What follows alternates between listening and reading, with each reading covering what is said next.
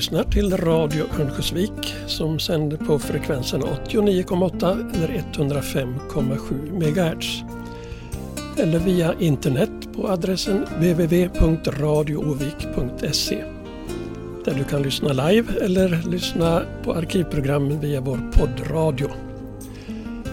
Och dagens program är Semesterpratarna som produceras av Radio Nolaskogs. Och dagens semesterpratare heter Lars Grundberg.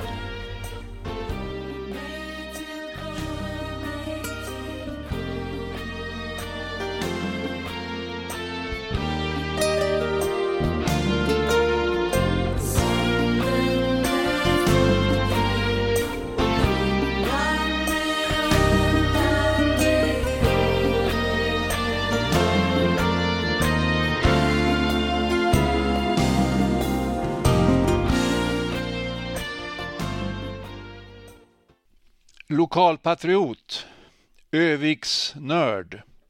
Sådana påhipp, såna påhopp fick jag förr av ingen mindre än min hustru.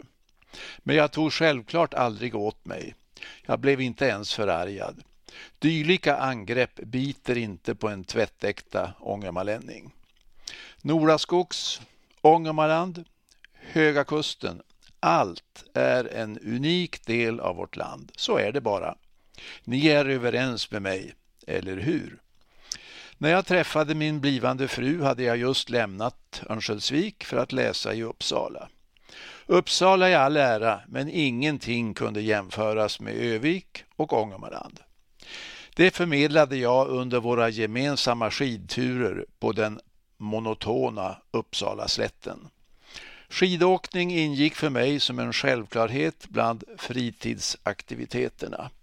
Mina toppnoteringar i fråga om skidåkning var nog några hopp i Friska Viljors dåvarande 30 meters backe och, inte minst, Örnloppet 60 backiga kilometer från Trehörningsjö till staden på 5 timmar och 20 minuter. Men åter till min flickvän i Uppsala. Jag fick naturligtvis hjälpa henne med hennes dåliga skidor, för övrigt inköpta i Blekinge av alla ställen, hennes omoderna och otympliga bindningar och bristen på grundvalla. Det var då, tror jag, som hon insåg de stora och unika kvaliteterna med att vara tillsammans med någon bördig från Örnsköldsvik. Studentlivet i Uppsala då på 60-talet innebar flitiga studier men också intensivt umgänge. Vi sörjde alla en svunnen tid. Den levande landsbygden var hotad. Den gröna vågen bland oss unga föddes. Natur och miljö var viktigt. Vi lyssnade alla på musik och inte minst gruppen Contact som nu ska spela upp om fisken som inte finns mer. Det finns inga fiskar kvar. Det finns inga fiskar kvar Inte ens en grå liten kolja Det finns inga fiskar kvar Sardinen la sig själv nyss i olja Ro, ro till fiskeskär. Inga fiskar finns det där. Ro, ro till fiskeskär. Fisken är en lekchimär. När Där store fiskaren talar om Hur många fiskar han fått. Då skarvar han som han vill. Då räcker inte armarna till. Men det finns inga fiskar kvar. Inte ens en grå liten kolja. Det finns inga fiskar kvar. Sardinen la sig själv nyss i olja. Ro, ro till fiskeskär Inga fiskar finns det där. Ro, ro till fiskeskär Fisken är en blek chimär Jättan har blivit en termometer. Med kvicksilver i sin ryggrad. Den ligger och flyter vid stranden. Så du kan mäta temperaturen vid ditt bad. Ro, till fiskeskär Inga fiskar finns det där. Ro, ro till fiskeskär Fisken är en blek chimär. Det finns inga fiskar kvar. Inte ens en grå liten kolja. Det finns inga fiskar kvar. Sardinen la sig själv nyss i olja. I olja. I olja, i olja, i olja, i olja, i olja, i olja.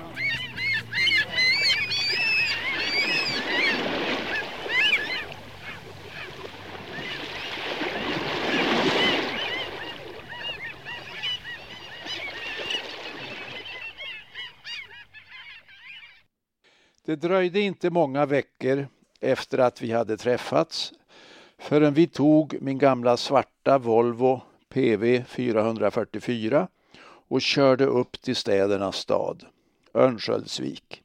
Det var en februarivecka med 25 minusgrader och Örnsköldsvik i midvintersol framstod i sin glans. Min morfar, Oskar Nilsson, den gamle charkuterifabrikören, 80 år gammal, måste få hälsa på min nya kärlek. Oskar som under hela min uppväxt varit min bästa lekkamrat och något av min vän, mentor. På sommaren bodde Oskar, som sedan länge var enkling ända sedan 30-talet och han sörjde sin lova djupt och hängivet i hela 40 år.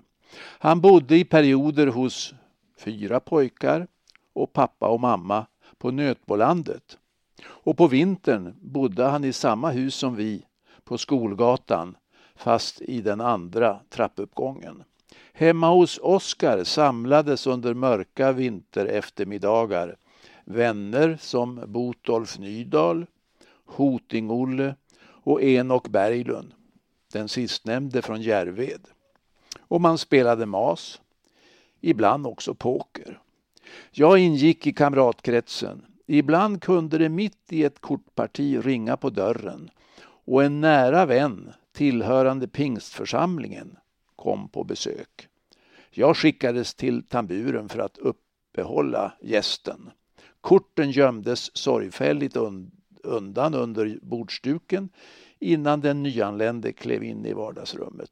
Ett givande samtal inleddes nu. Pingstvännen ingick nämligen också i Oskars nära vänkrets. Men Oskar ville dock aldrig utmana någon och allra minst sin frireligiöse vän. När jag idag tänker på, att min morf, på min morfar så ser jag honom helt enkelt som synnerligen tolerant och pragmatisk. Alltså inte skriva någon på näsan att syndigt kortspel pågick. Den religiöse vännen kunde ta illa upp. Ja, livet går så fort. Oskar är borta. Freddy Wadling finns inte heller bland oss. Lyssna på Freddy Wadling, blott en dag, ett ögonblick i sänder.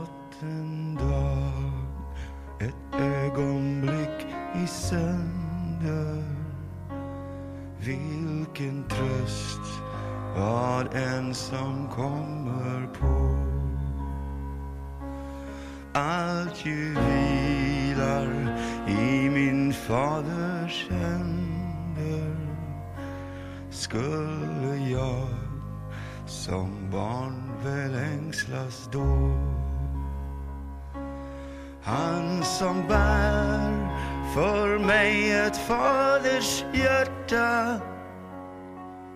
Han ju ger åt varje nyfödd dag dess beskärda del av fröjd och smärta. Möda, vila och behag. Själv han är mig alla dagar nära för var särskild tid med särskild nåd. Varje dag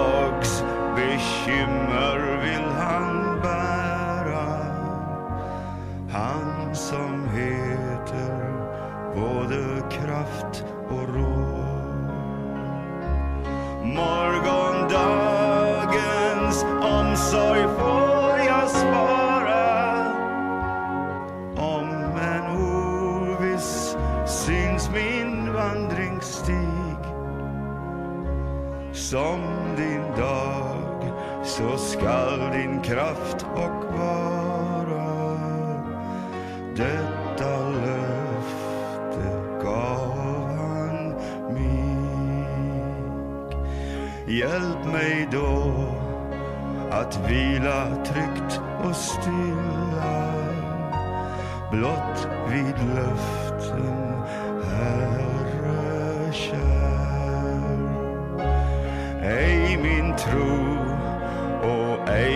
tröst förspilla som i ordet mig förvarar.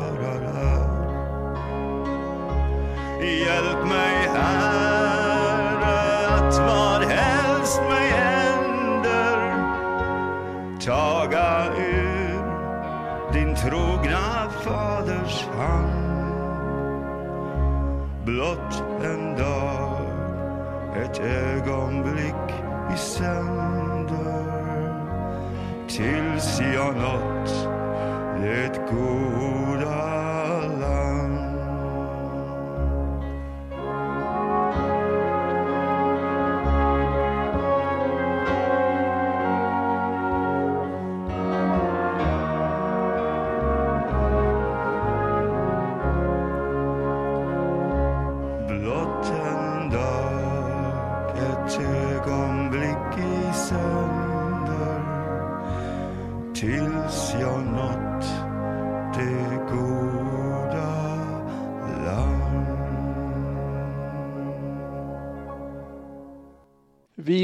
besök den där vinterveckan i Övik gick jag också med min flickvän till läroverket.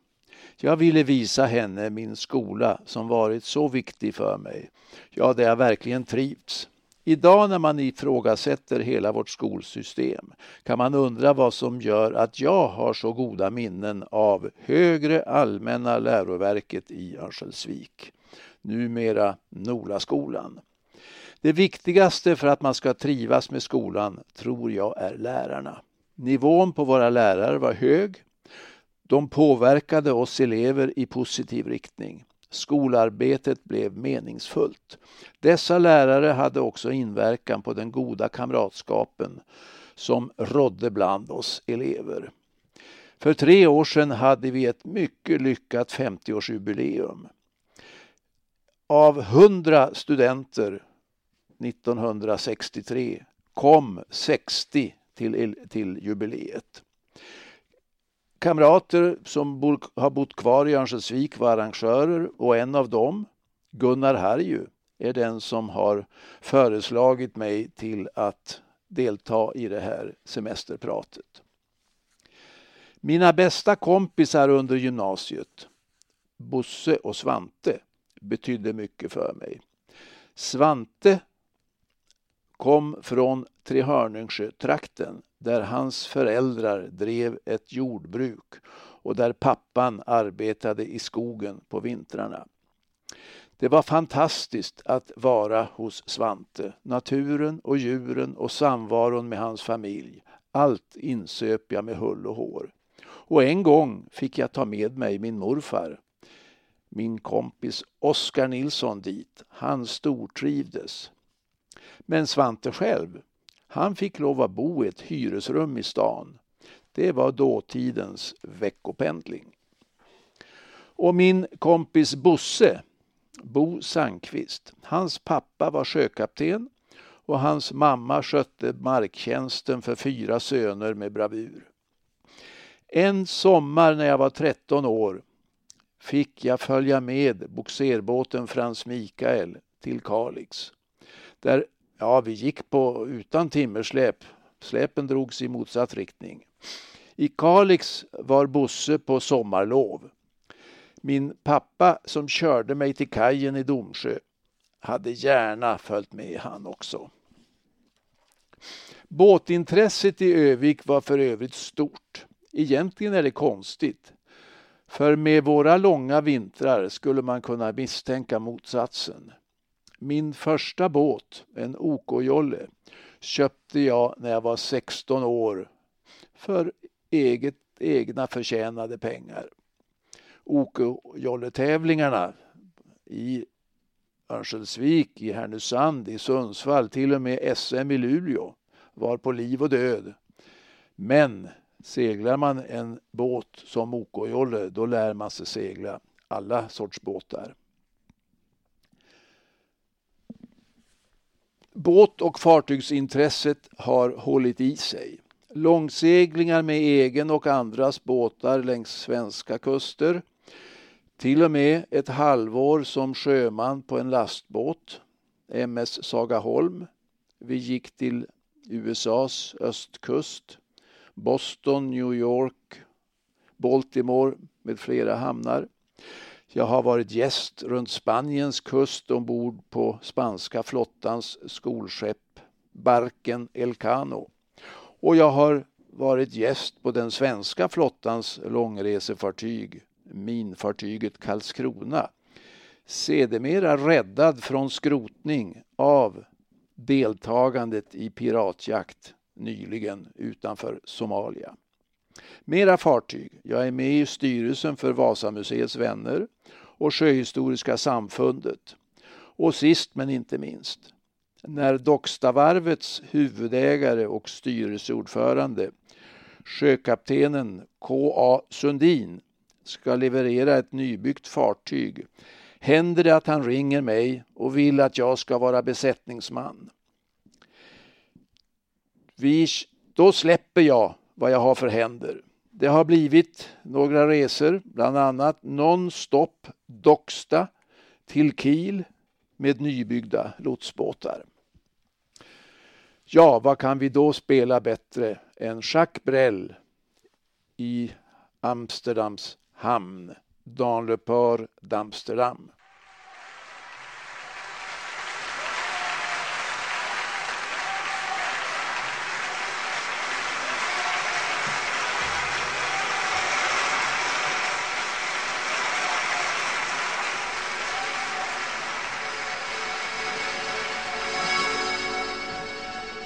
Port d'Amsterdam, il y a des marins qui chantent les rêves qui hantent au large d'Amsterdam. Dans le port d'Amsterdam, il y a des marins qui dorment comme des oriflammes le long des berges morts. Dans le port d'Amsterdam, il y a des marins qui meurent pleins de pierres et de drames aux premières lueurs.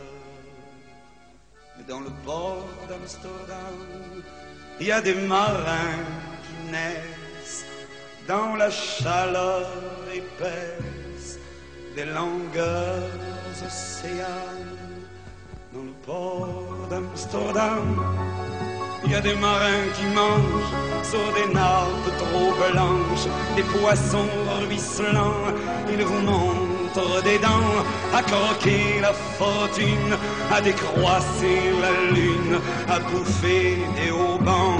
Et ça sent la morue jusque dans le cœur des frites que leurs grosses mains invitent à revenir en plus. Puis se lèvent en riant dans un bruit de tempête, referment leurs braguettes et sortent en rotant dans le port d'Amsterdam. Il y a des marins qui dansent en se frottant la panse sur la panse des femmes.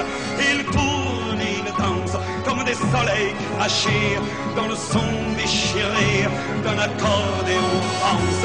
Ils se tordent le cou pour mieux s'entendre rire jusqu'à ce que tout à coup l'accordéon expire alors le geste grave, alors le regard fier, ils ramènent leur batave jusqu'en pleine lumière. A des marins qui boivent, et qui boivent et reboivent, et qui reboivent encore. Ils boivent à la santé des putains d'Amsterdam, d'Hambourg ou d'ailleurs. Enfin, ils boivent aux dames, qui leur donnent leur joli corps, qui leur donnent leur vertu pour une pièce en or. Et quand ils ont bien bu, se plantent le nez au ciel, se mouchent dans les je pleure pour les femmes infidèles, dans le port d'Amsterdam, dans le port d'Amsterdam.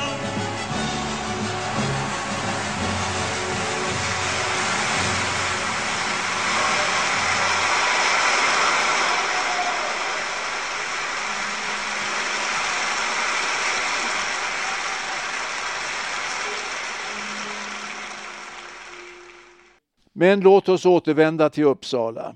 Livet gick vidare. Jag och min flickvän gifte oss hos borgmästaren och vi begav oss ut i världen. Först till Oslo som studenter. Det var mitt sista läsår som juris studerande. Min hustru jobbade på barnavårdsnämnden i Oslo. Ett tidigare uppdrag under studietiden i Uppsala i det nordiska studentjuristrådet och den här vistelsen i Oslo gav oss stor respekt för våra nordiska grannar, något som hjälpt mig i mitt blivande arbete.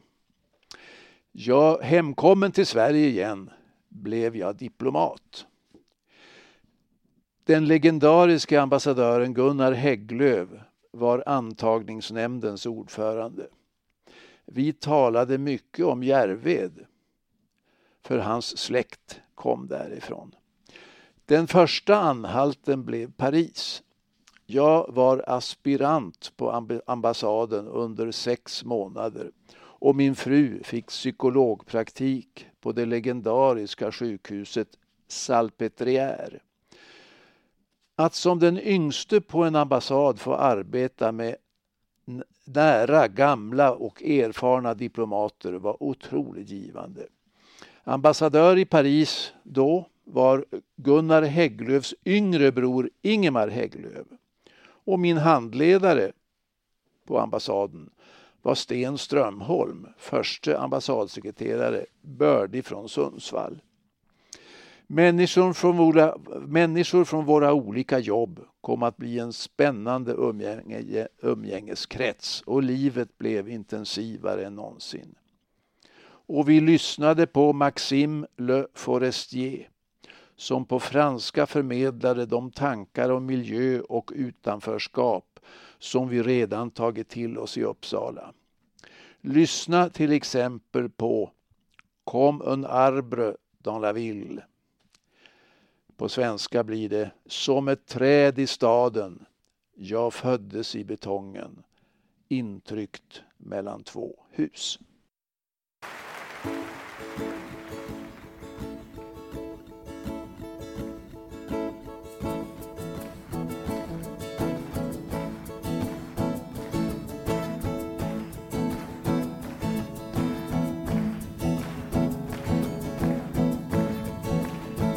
Comme un arbre dans la ville. Je suis né dans le béton, coincé entre deux maisons, sans abri, sans domicile. Comme un arbre dans la ville.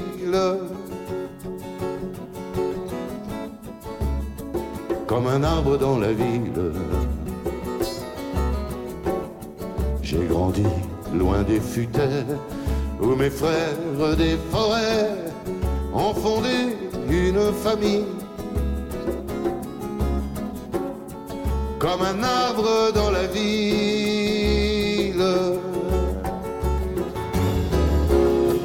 Entre béton et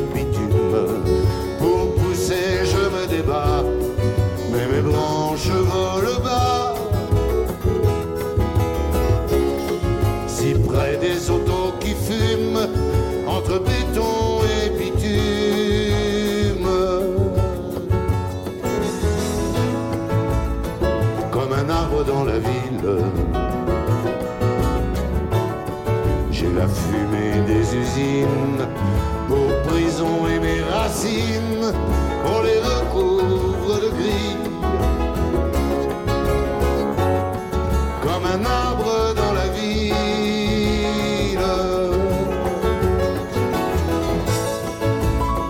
Comme un arbre dans la ville. J'ai des chansons sur mes feuilles qui s'envoleront sous l'œil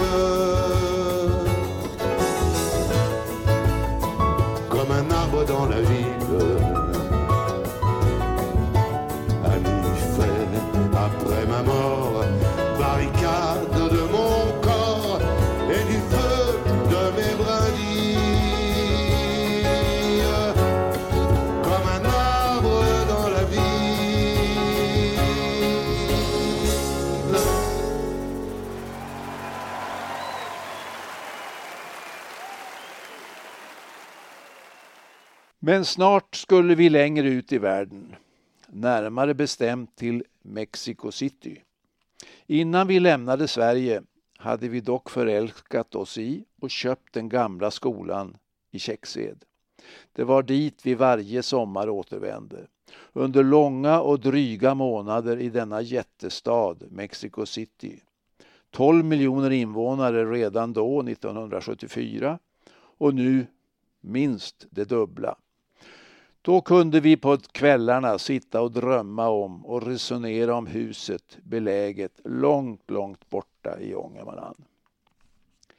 Så småningom blev vi en stor familj. Våra barn föddes ute i världen.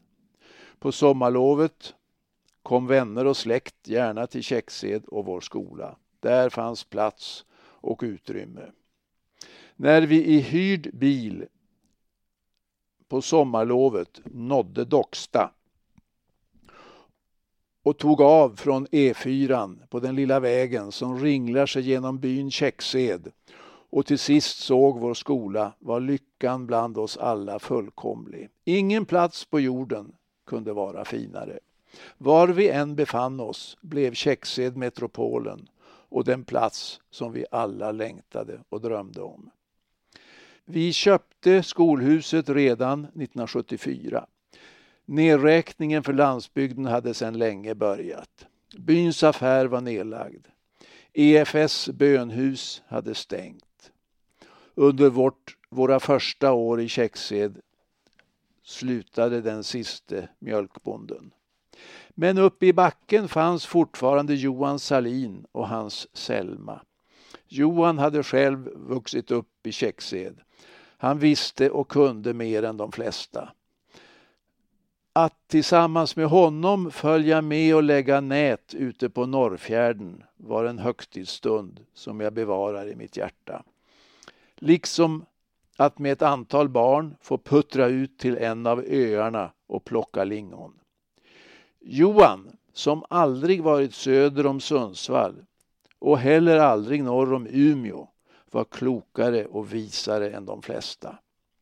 Han och hans Selma lät sig aldrig imponeras av någonting. Vår allra närmaste granne i Käcksed var Henny Hon var änka efter fiskaren och sedermera skofabriksarbetaren Yngve Wik. Henny var lika klok och vidsynt som Selma och Johan. Hennes dotter Vera, gift med Bo Nordström, blev nära vänner, liksom nu deras barn med familjer. Nu, vad skulle passa bättre att lyssna på än Öppna landskap av Ulf Lundell.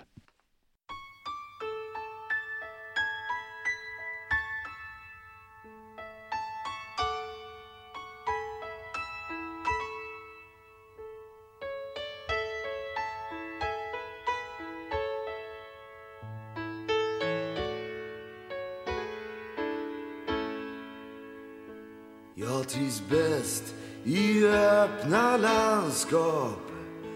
Nära havet vill jag bo. Några månader om året Så att själen kan få ro. Jag trivs bäst i öppna landskap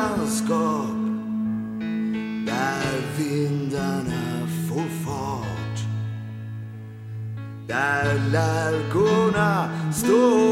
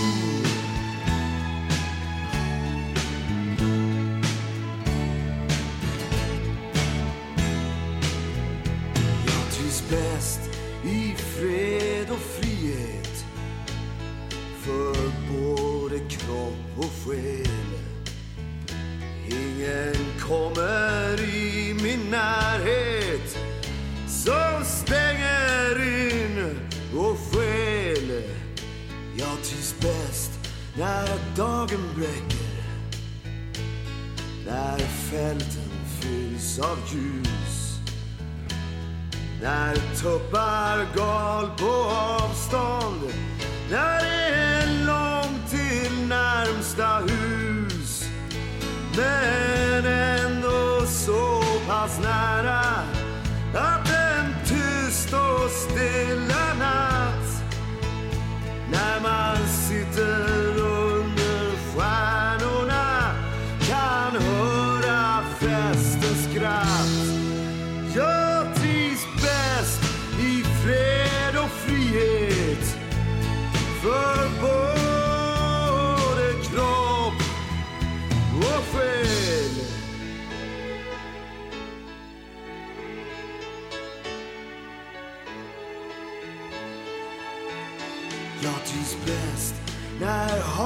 svallar och måsarna ger skrik när stranden fylls av snäckskal med havsmusik uti. När det klara och det enkla får råda som det vill. När jag är jag och nej är nej och tvivlet tiger still. Då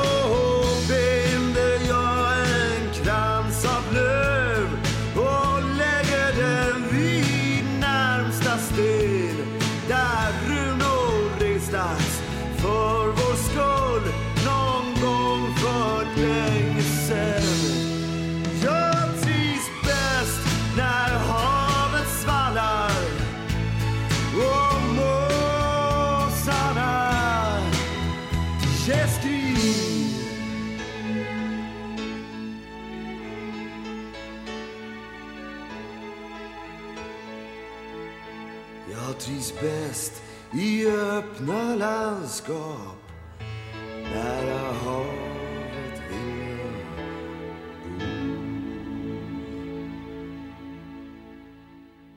jag Ja, jag heter Lars Grundberg och jag semesterpratar idag i Radio Nolaskogs. Vi återvänder till Käcksed. Där fanns allt man kunde tänka sig. Tillsammans gav vi oss ofta ut på vandringar i skog och mark. Slottdalsgrevan, belägen i Skuleskogens nationalpark, blev en av våra favoritvandringar. Ibland tillsammans med andra sommargrannar som lärde oss och barnen om växter och djur. Våra barn var och är fortfarande överens om Käckseds storhet. Skolkamrater till barnen från varmare, franskspråkiga hörn av världen följde ofta med under några lovveckor till, som de sa, Cax ed dans la Suède. Det kunde bli tveksamma över badtemperaturen. När våra Käcksedsbarn utan att blinka hoppade ner i det ofta 10-gradiga vattnet. De hade alla lärt sig simma just där. Snart var dock alla kamraterna övertygade om att badtemperaturen var okej. Okay. En av våra döttrar ingick i en grupp av europeiska tonåringar som av en belgisk eldsjäl välkomnades till olika kulturorter i Europa. Vår dotter skulle resa från Käcksed till Venedig. Har man fem barn så blir det lågprisbudget. Hon fick lov att åka tåg. Det var bara det att första delen av tågresan, det var buss från Docksta till Kramfors. Biljetten var anskaffad tidigt på morgonen, första bussen. Jag körde henne till busshållplatsen på E4 vid Docksta. Hon var nervös inför resan och jag var pratsam. Om blickar kunnat döda. Jag sa till chauffören Jaha, god morgon. Här har vi en eh, liten dam som ska åka nonstop Docksta till Venedig. Chauffören tittade misstroget på mig. Och så blev det en konstpaus. Sen sa han. Det blir byte i Lunde. Men Käcksed var inte bara natur, förvandlingar och fisketurer. I det nedlagda bönhuset startades kulturella aktiviteter. Det fanns en eldsjäl även där, den pensionerade provinsialläkaren Christer Gunnarsson, som ledde verksamheten. Hans föredrag till exempel om och utställning om dåvarande Polen blev oförglömlig. Och jag kunde haka på med berättelser från ett flertal besök i Polen, även som sjöman. Det kom folk till dessa arrangemang och härligt fika kunde vi sedan alla gemensamt inta. Men somrar kan vara regniga. I vårt stora kök, den tidigare gymnastiksalen, sysselsattes barnen med att baka. Under våra tre år i Kairo och Egypten då medförde vi torkade dadlar till vårt ångermanländska hushåll. Barnen fick baka bullar med torkade dadlar. Vid regnuppehåll gick de ut och ställde sig vid vägkanten med en stor skylt om försäljning av egyptiska bullar. Bullarna gick åt och alla blev nöjda. Och då passade det att lyssna till den egyptiska megastjärnan. Hon som var avgudad i hela arabvärlden och som vi lyssnade på. Om Kalsum, Abu Shed 100.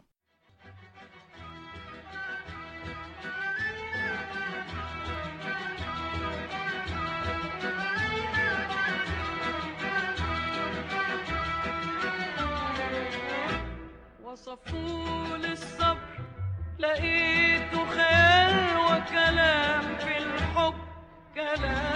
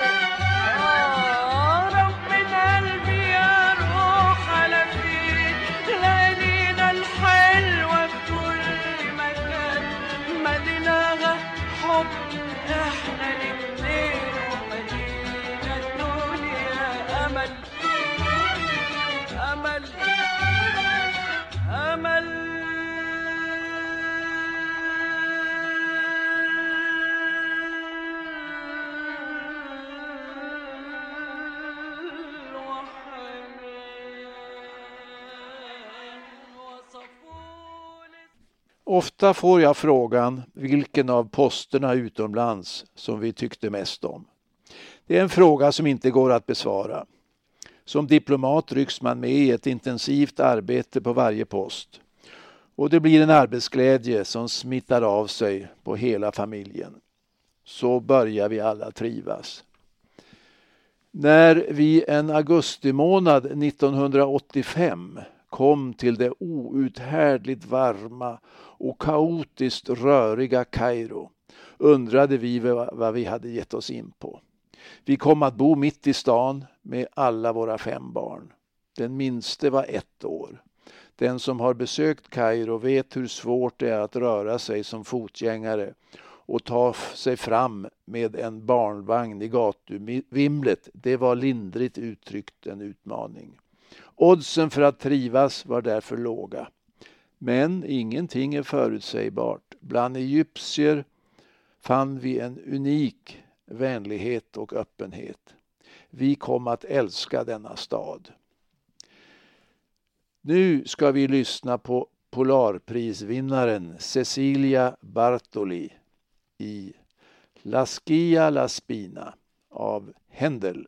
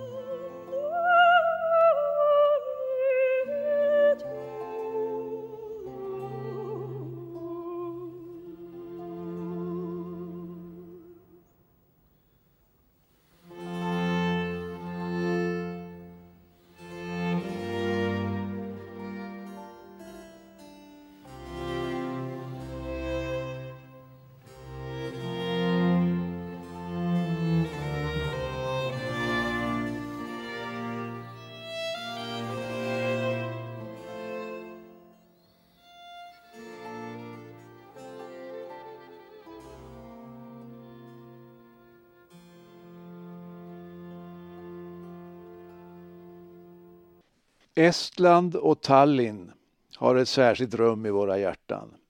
Dit återvänder jag gärna. Sverige var det första land som öppnade ambassad den 29 augusti 1991. Jag blev den första ambassadören. Det var en otroligt intressant tid. Den perioden kröntes av ett efterlängtat statsbesök. Vårt kungapar kom som första statschefer till det nyligen befriade landet. Deras tre dagar långa besök i april 1992, det vill säga sju månader efter frigörelsen från Sovjetunionen, blev helt enkelt den slutgiltiga bekräftelsen på att självständigheten återupprättats. Och så Danmark, vårt grannland. Att få tjänstgöra som ambassadör i ett nordiskt grannland är en utmaning och blev en stor erfarenhet. Studietiden i Oslo, som jag berättat om, hjälpte mycket. Vi lärde oss älska Danmark och har många nära, ja till och med mycket nära vänner kvar i Danmark. Vi har ofta fördomar, vi svenskar, kring relationerna mellan Sverige och Danmark. Man säger ofta att danskar och svenskar inte tycker om varandra. I själva verket älskar vi och beundrar varandra stort, även om det sker i smyg.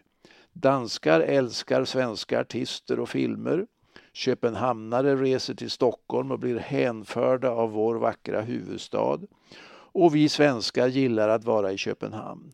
På samma sätt som vi svenskar ser danska tv-serier som Matador eller Borgen och beundrar Danmark och danskarna för sitt oförvägna sätt att tala klartext. Björn Afzelius blev den hyllade artisten i Danmark där hans version av Anne Linnets Tusen bitar gjorde dundersuccé. Men nu ska vi lyssna på originalet. Anne Linnet, Tusen stycker.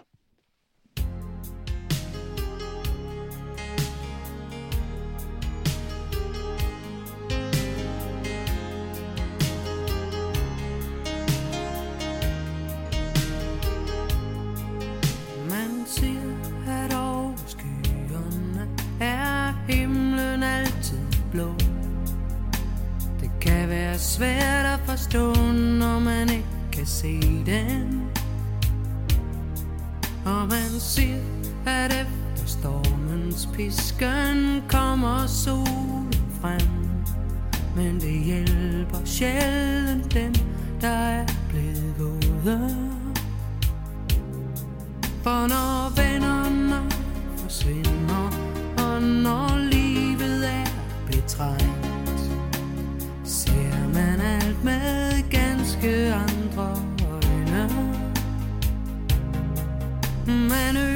for sig og bliver langsomt bedre til at se og skelne mellem sandheder og løgne. Man siger jo, at det der sker er altid godt for noget. Og troen har vi fået for at bruge den.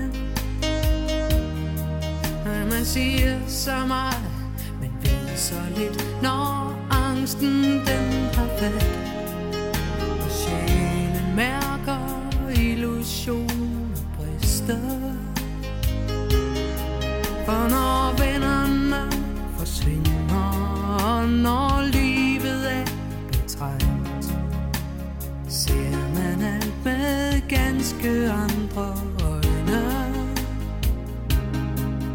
Man øver sig og bliver langsomt bedre til at se og skælne mellem sandhed og løgne. Alting kan gå i tu, et hjerte kan gå i tusind stykker. Kaldte du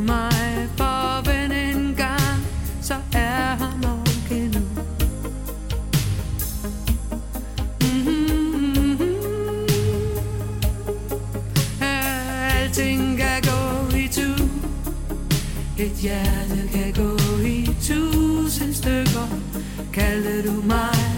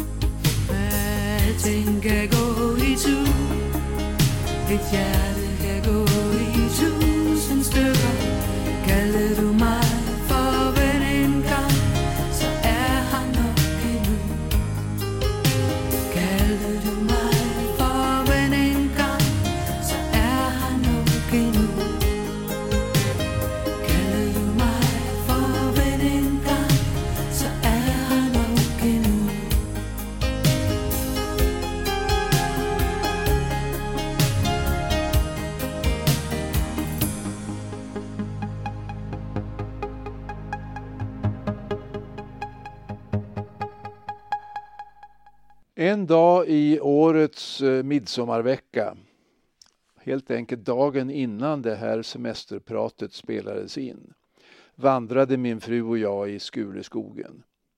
Vi stötte på en grupp asylsökande. En guide ledde gruppen. Det gemensamma språket var ryska. Kanske kom de från asylboendet i Docksta, inrymt i det tidigare ålderdomshemmet Sjöliden. 2015 och första halvåret 2016 har bjudit på flyktingdramatik, både faktiskt och på det politiska planet. 160 000 asylsökande 2015.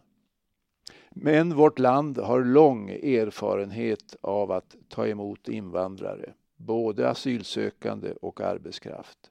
Under min livstid har vi välkomnat människor från de baltiska länderna, det var när jag föddes, från Finland, från Italien och Grekland, Spanien, från Polen, från Turkiet. Och från Latinamerika, Argentina, Uruguay och Chile.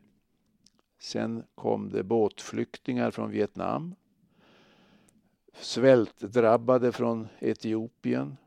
Och kriget i det forna Jugoslavien skapade nya strömmar. I mitten av 90-talet kom på några semestermånader inte mindre än 80 000 personer från Bosnien. Ja, sen har vi sett folk från Iran och Irak och Somalia, Afghanistan och nu senast Syrien. Jag har säkert glömt några nationer. Visst har det funnits problem och visst kommer det att finnas problem. Men om man lägger ihop plus och minus så blir slutresultatet positivt. Naturligtvis för invandrarna men också för Sverige. Enligt min uppfattning till och med mycket positivt. Det är klart att vi ska välkomna den senaste asylströmmen. Här sitter jag nu i en studio i Örnsköldsvik och känner hur cirkeln är sluten. I eftermiddag återvänder jag till Käcksed och imorgon får vi bege oss ut på en ny fotvandring. Denna gång till Värnsbergets topp. Något finare finns inte. Och då slutar vi det här pratet med att lyssna på Ain Busks höstvisa. Vägen hem var mycket lång och ingen har jag mött. Nu blir kvällarna kyliga och sena. Kom trösta mig en smula för nu är jag ganska trött och med en så förfärligt alena. Jag märkte aldrig förut att mörkret är så stort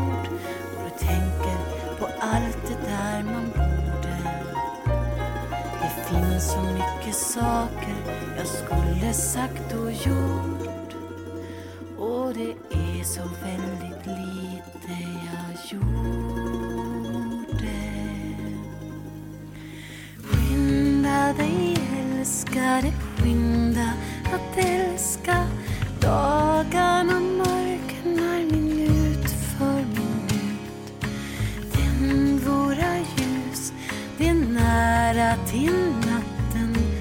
Snart är den blommande sommaren slut Jag letar efter någonting som vi kanske glömde bort och som du kunde hjälpa mig att finna. En sommar går förbi, den är alltid lika kort. Den är drömmen om det man kunnat vinna.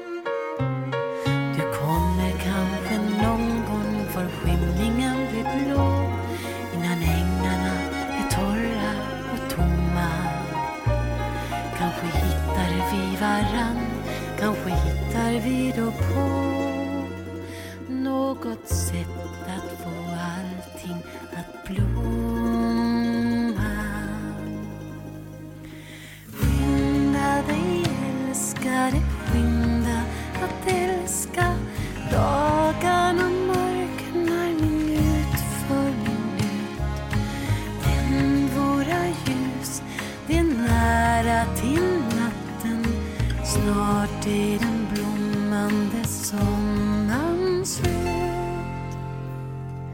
Blåser storm där ute och nu stänger sommarns dörr.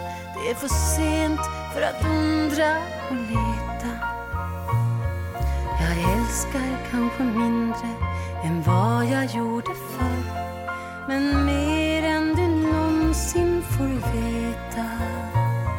Nu ser vi alla fyrar kring höstens långa kost och hur vågorna vilsamma